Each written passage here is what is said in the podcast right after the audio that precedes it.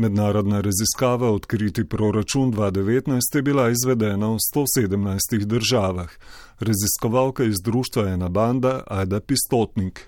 In tukaj se je izkazalo, da se mi uvrščamo v skupino držav, ki ima izjemno nizek vidik, ko govorimo o sodelovanju v javnosti, torej pri oblikovanju in nadzoru proračuna. Tukaj eh, smo izbrali le 11 točk od 100. Za primerjavo se mi zdi pač definitivno pomembno tle omeniti, da svetovno poprečje je 14 točk. OECD povprečje, torej kamor pa v bistvu mi spadamo, je celo zbralo 23 točk, torej mi pa 11. In dejansko smo res nekje zelo daleč na dnu. Um, Tako daleč na dnu, kot je v bistvu najmlajša država na svetu, torej Južni Sudan ki je ravno tako um, izbral 11 točk. Seveda, mi nismo edina država s tako nizkim številom, ampak je definitivno zelo zaskrbljujoče, da smo jim pod svetovnim poprečjem, kaj šele pod poprečjem OECD-a. Ja, definitivno se je tukaj izkazala um, zelo Hrvaška. Hrvaška je tukaj izbrala 22 točk, medtem ko Nemčija 15. V naši soseščini so pa enako število točk zbrale kot mi, tudi Slovaška, Italija in pa um, Češka. Uh, zdaj pa, ko v bistvu to zelo veliko recimo tudi poslušamo o Mačarski. Uh, Mačarska se je v bistvu pri tej uh, točki sodelovanja javnosti pri oblikovanju in nadzoru proračuna umešča še nižje kot mi, saj je ta dobila torej samo zgolj um, štiri točke. Zakaj je pomembno sodelovanje pri oblikovanju proračuna? Sodelovanje javnosti, ravno ko govorimo o javnih financah, torej v naših financah, financah prebivalcev Slovenije, definitivno je tukaj ključnega pomena, da v tako pomembnih vprašanjih kot so v bistvu družbena blaginja, um, ali se bo vlagalo v neka zelena delovna mesta ali pa v vojsko. Ključnega pomena, ne, na kakšen, um, kakšno družbo si želimo in kakšen um, razvoj vidimo za naslednja leta. In definitivno finance kot take diktirajo v bistvu ta tempo, in finance kot take odločajo o prioritetah našega nadaljnega družbenega razvoja. In zato je tukaj ključnega pomena, da javnost sodeluje pri tako pomembnih vprašanjih, saj se je neposredno tiče. Ključna tukaj je gospodarska rast. Ja, v bistvu definitivno se odloča s tem o nekih prioritetah. Trenutna prioriteta družbe je um, sledenje logike gospodarske rasti in kaj jo pač tukaj poganja. Ne? In tukaj pač definitivno vidimo, kaj jo poganja. Poganjajo vojaška industrija, ne? ravno kar smo imeli pač prelete z avioni nad bolnišnicami, krasna ideja. Um, sigurno veliko pripomogla k rasti BDP-a. Tako da lepa, ko govorimo o javnosti, ki bi sodelovala pri takih odločitvah, vprašanje, če bi v bistvu prišlo do tega, da bi bile take odločitve sploh sprejete. Tle v bistvu bi podarila tudi to, da za v bistvu izboljšanje tako imenovanih upravljalskih postopkov pač ni dovolj sama neka preglednost. Torej, to, da mi vemo, o čemu se pogovarjamo, to, da mi vemo, kje in kako so informacije um, dostopne. Ampak v bistvu, če hočemo doseči neke take pozitivne učinke, ki bi omogočili večjo proračunsko preglednost, je torej bistveno čim boljše sodelovanje te javnosti. Ne bi večja vključenost javnosti predstavljala tveganja za to, da bi neki proračunski postopki tekli počasneje? Mislim, ja, mi pač v bistvu, glede na to, kako se sprejema proračun, kako se potem tudi proračun izvaja, ne, na koncu ga tudi revidira računsko sodišče, in tako ne pač obstajajo določene faze. Dokumentov je sedem, in ja, tako je pač je bilo že rečeno, vsak od teh dokumentov zahteva nek čas. Ne. Ampak definitivno, česa, kar se je izkazalo tukaj, je pač to, da ne obstaja okno, ki bi omogočalo kakršno koli sodelovanje. Torej, ko mi govorimo o teh sedmih dokumentih, se je ugotovilo, da v resnici je tukaj zelo malo manevrskega prostora, kjerkoli, da bi bila javnost na takšen ali drugačen način v bistvu vključena, da bi lahko sodelovala. Ne? 11 od 100 točk, jih je Slovenija dosegla pri sodelovanju javnosti pri odločanju o javnih financah, pomeni, da na tem področju zelo zaostajamo, še posebej za članicami OECD.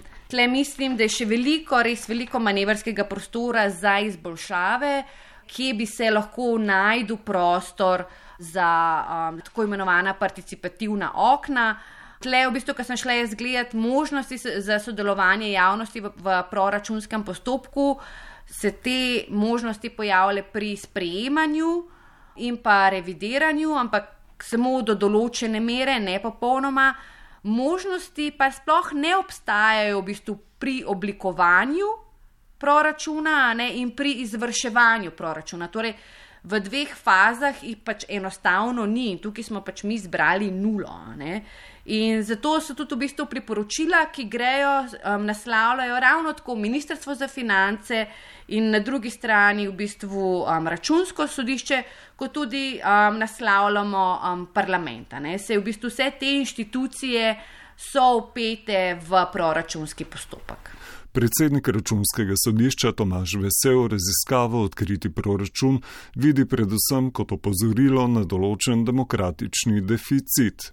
Jaz bolj kot um, poskus numeričnega ovrednotenja, na kateri smo na katerih lestvicah, vidim problem slovenskega proračuna v zelo visoki fiksaciji stroškov proračuna, ki so v bistvu že vnaprej opredeljeni.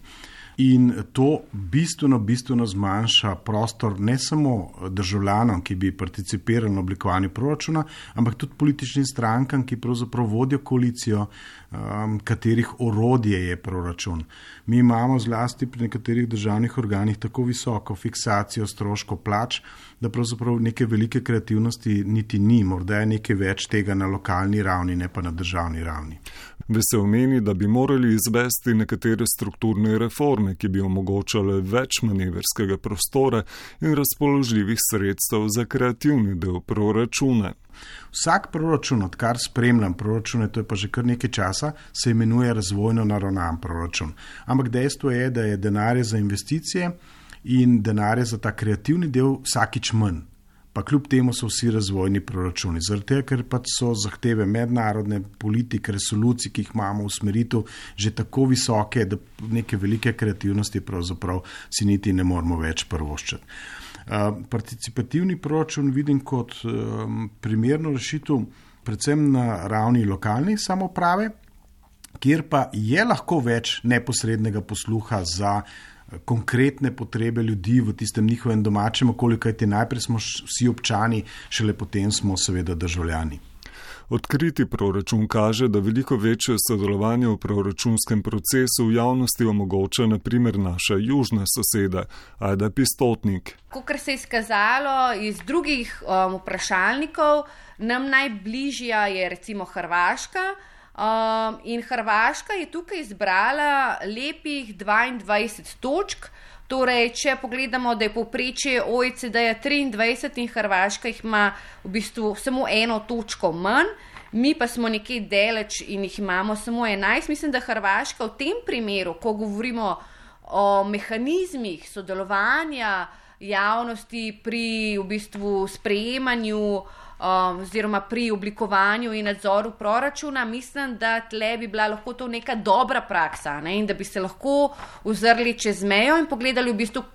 Kako, kakšni mehanizmi tam v bistvu obstajajo pri teh treh akterjih, že omenjenih, in kakšna okna v bistvu za to participacijo um, tam delujejo. Z Inštituta za javne finance, ki je izvedel raziskavo za našo sosedo, so nam odgovorili, da Hrvaška ima vzpostavljene mehanizme za sodelovanje javnosti v proračunskem procesu, ki jih Slovenija nima. Kljub temu na Zagrebskem inštitutu povdarjajo, da hrvaška javnost dejansko ne more vplivati na proračun predsednik računskega sodišča Tomaž Vesel. Če pogledamo dejanske efekte, ki jih vsem za Hrvaško pa mogoče mal poznam, saj tako kot mi kolegi pravijo, da nekega de facto neposrednega učinka pa javnost kljub temu nima. In jaz tudi mislim, da nek neposreden mehanizem, da bi državljani ali pa javnosti imeli neposreden vpliv in učinek, bo pravzaprav težko doseči. Če razmišljamo v tej smeri, da recimo državni svet je tisti, ki zastopa različne družbene interese, pa tudi državni svet nima nekega prav posebnega vpliva, razen seveda veta, pa še to v proračunskem postopku manj. Je situacija takšna, da bi mogli razviti popolnoma nov instrumentarij, kjer bi se pravzaprav ideje civilne družbe, nevladnih organizacij, interesnih skupnosti, gospodarstva in tako naprej nabirale že vsaj pol leta pred začetimi proračunskimi procesi, se to ovrednotilo, bi se vsaka vlada do tega opredelila, povedala, zakaj tega zdaj ne more ali da ima drugačne prioritete in potem seveda v skladu s svojo politiko sprejela neke odločitve. Morda to res ne bi bilo slabo, ne poznam pa veliko primerov dobre prakse, kjer bi to de facto funkcioniralo. Profesor z katedre za razvoj in menedžment organizacij in človeških virov na Fakulteti za družbene vede dr. Andrej Rus izpostavi švedsko in nizozemsko.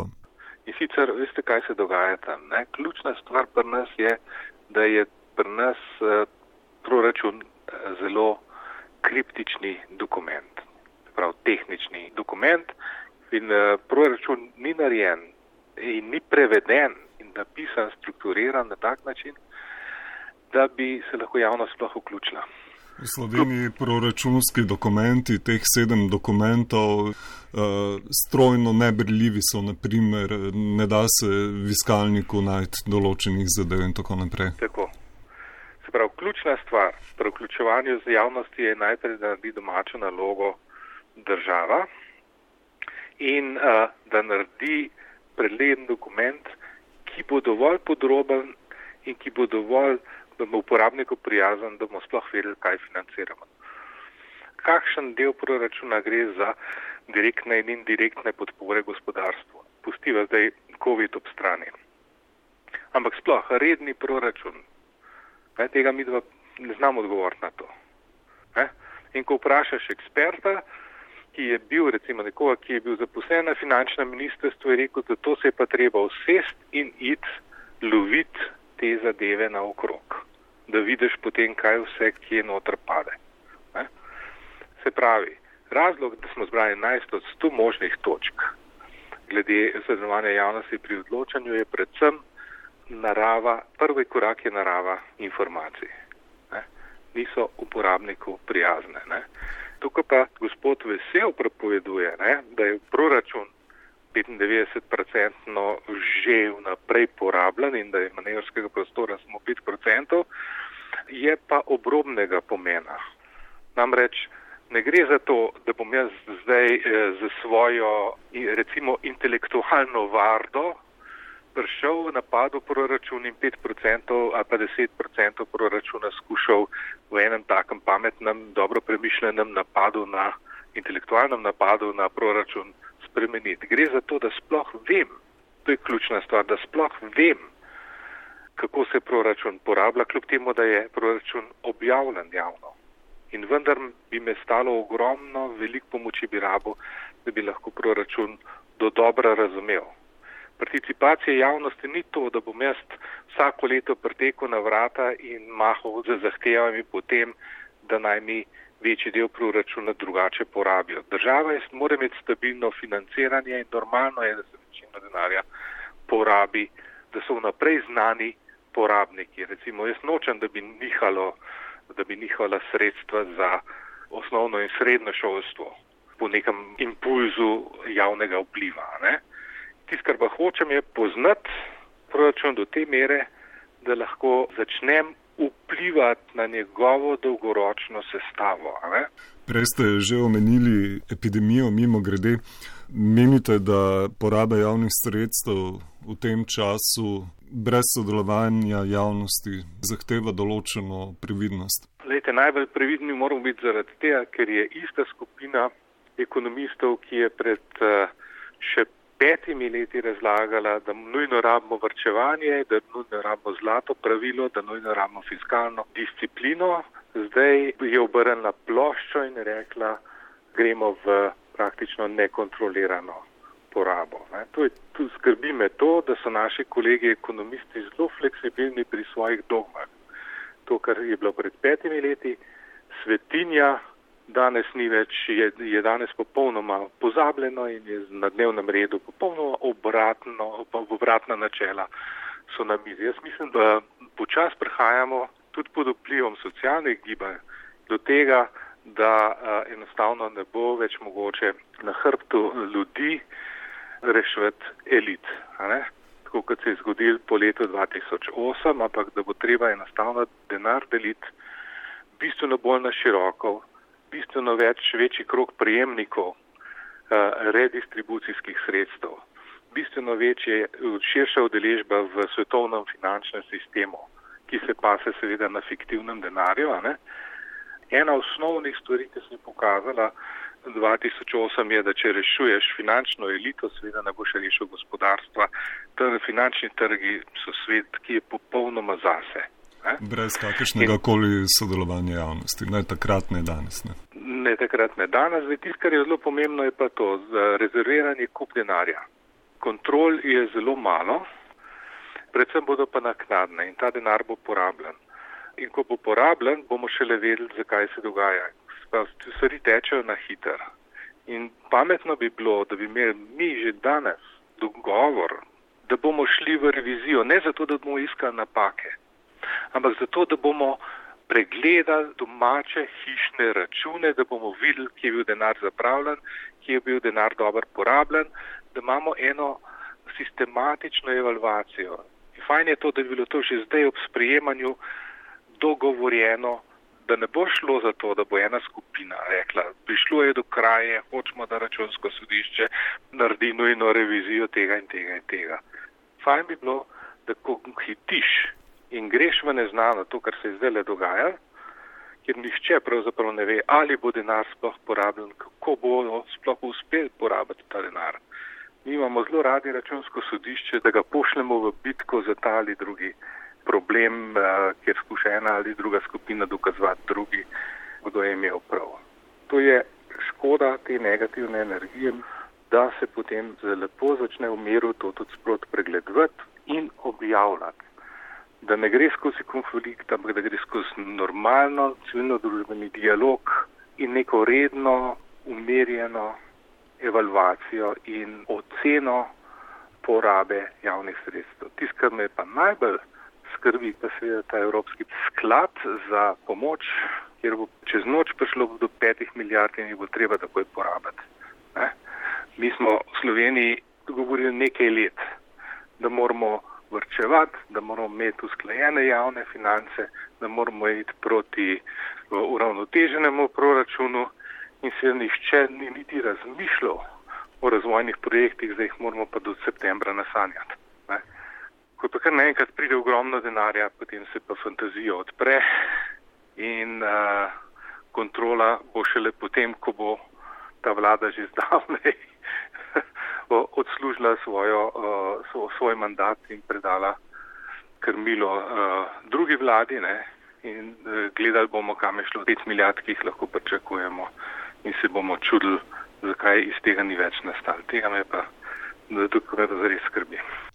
Raziskovalka Aida Pistotnik. Vlada oziroma oblast um, tudi zdaj ne, sprejema te um, ukrepe, lahko opazimo, da spreminja in odloča o proračunu brez sicer predvidenega vključevanja javnosti, kot je recimo naprimer, izražanje mnen predstavnikov javnosti med parlamentarno obravnavo proračuna, ne, kar pa pač pomeni, da ko se bo raziskovalo oziroma preverjalo letošnjo leto, ne, bo cena Slovenije.